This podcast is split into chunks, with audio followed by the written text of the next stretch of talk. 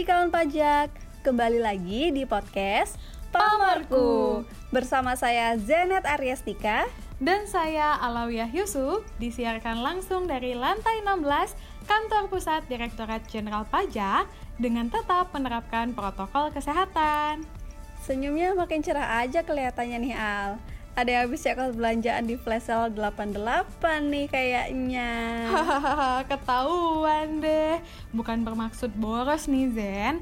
Tapi mencoba untuk menyemarakan penjualan UMKM hmm, Alasan aja nih ya Aku juga belanja sih Tapi kebanyakan malah beli masker, tisu basah, sama berbagai perlengkapan sanitasi Al. Wah cocok deh. Emang kita masih harus menjaga higienitas dan protokol kesehatan ya Zen? Nah jelas dong. Jangan lupa ya sebaiknya kita tetap menerapkan 5M Pertama memakai masker. Kedua, kedua mencuci tangan. Ketiga menjaga jarak. Keempat menghindari kerumunan Dan kelima mengurangi mobilitas dan interaksi Menteri Keuangan Sri Mulyani yang menyatakan bahwa kinerja anggaran pendapatan dan belanja negara atau APBN yang positif akan menjadi modal untuk mengantisipasi gejolak dan ketidakpastian global terhadap perekonomian Indonesia. Kita juga sempat bahas nih Al ya di minggu sebelumnya. Betul banget. Kinerja APBN kita memang lagi positif-positifnya nih. Semuanya merangkak naik maju positif gitu ya. Betul Al. Nah, selanjutnya Menteri Keuangan juga menuturkan sejauh ini APBN terus melanjutkan kinerja yang positif dan baik dengan realisasi pendapatan negara pada akhir Juni 2022 mencapai 1.317,2 triliun yang merupakan 58,1% dari target. Wah, keren banget Zen. Ini artinya pencapaian pendapatan negara ini mengalami pertumbuhan 48,5% year on year dibandingkan periode yang sama tahun lalu. Kira-kira apa aja tuh Zen faktor yang mendorong kinerja positif APBN kita ini? Nah gini Al, faktor pendorong kinerja tersebut di antaranya kenaikan harga komoditas dan berbagai perbaikan kebijakan serta administrasi perpajakan yang dilaksanakan melalui Undang-Undang Harmonisasi Peraturan Perpajakan atau UHPP yang juga semakin mendorong pendapatan negara. Mantap! Semoga perbaikan kondisi APBN ini dapat terus menjaga kesehatan dan keberlanjutan fiskal dalam jangka menengah hingga jangka panjang ya. Amin, Al.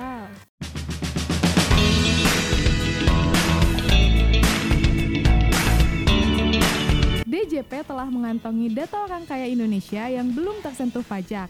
Direktur Jenderal Pajak Bapak Suryo Urtomo mengatakan, data tersebut diperoleh dari berbagai lembaga keuangan yang bekerja sama dengan pemerintah untuk menangkap para wajib pajak ini.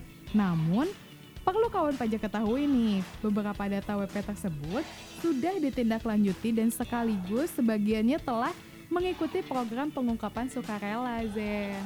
Oh iya, Semasa PPS berlangsung, DJP kan juga sudah mengirimkan juta email blast ya Al kepada para wajib pajak yang disertai data harta yang belum dilaporkan dan himbauan juga untuk mengikuti PPS. Nah pertanyaannya nih Al, kalau yang masih punya harta yang belum dilaporkan dan yang bersangkutan tidak mengikuti PPS, tindakan apa Al yang akan dilakukan oleh DJP? Wah, agak serius nih ya pertanyaannya. Pastinya DJP akan terus melakukan koordinasi dengan berbagai lembaga keuangan lainnya. Jadi hmm. bukan hanya untuk PPS aja nih, pastinya kan tujuan utamanya untuk mencapai penerimaan, penerimaan. pajak ya.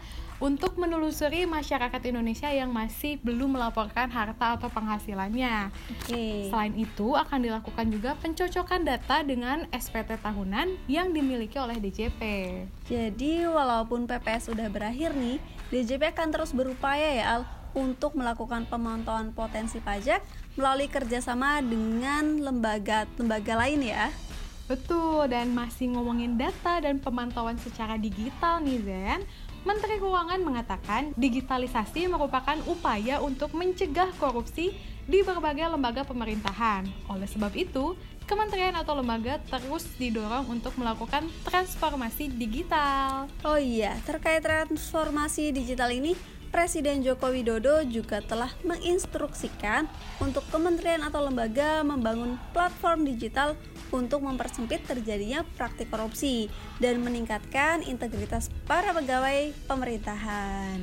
Nah, tadi kan Menteri Keuangan mengajak KL untuk ikut bertransformasi digital juga ya. Dalam rangka mendukung upaya digitalisasi ini, Kementerian Keuangan sendiri terus berupaya melakukan transformasi digital dalam mengelola keuangan negara dengan melakukan investasi di bidang infrastruktur dan pembangunan sistem digital serta melakukan perubahan bisnis proses di DJP juga ada nih Al transformasi digital ya betul sih? banget yang sekarang lagi gencar-gencarnya disosialisasikan juga ya Zen betul. nah kalau di Ditjen Pajak telah dibuat terobosan melalui Cortex Administration System dengan implementasi yang akan dimulai pada Januari 2024. Kita doakan ya, semoga proyek Cortex Administration System ini segera rampung dan dapat memberikan kemudahan baik dari sisi administrasi maupun proses bisnisnya. Amin. Dan yang jelas untuk mencapai penerimaan pajak yang optimal karena pajak kita untuk kita.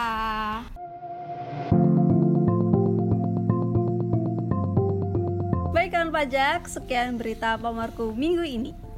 Tenang aja ya, karena kami pastinya akan balik lagi nih minggu depan. Jangan tinggalan berita perpajakan setiap minggunya melalui Pamorku, podcast berita kesayangan kita semua. Sampai jumpa. jumpa.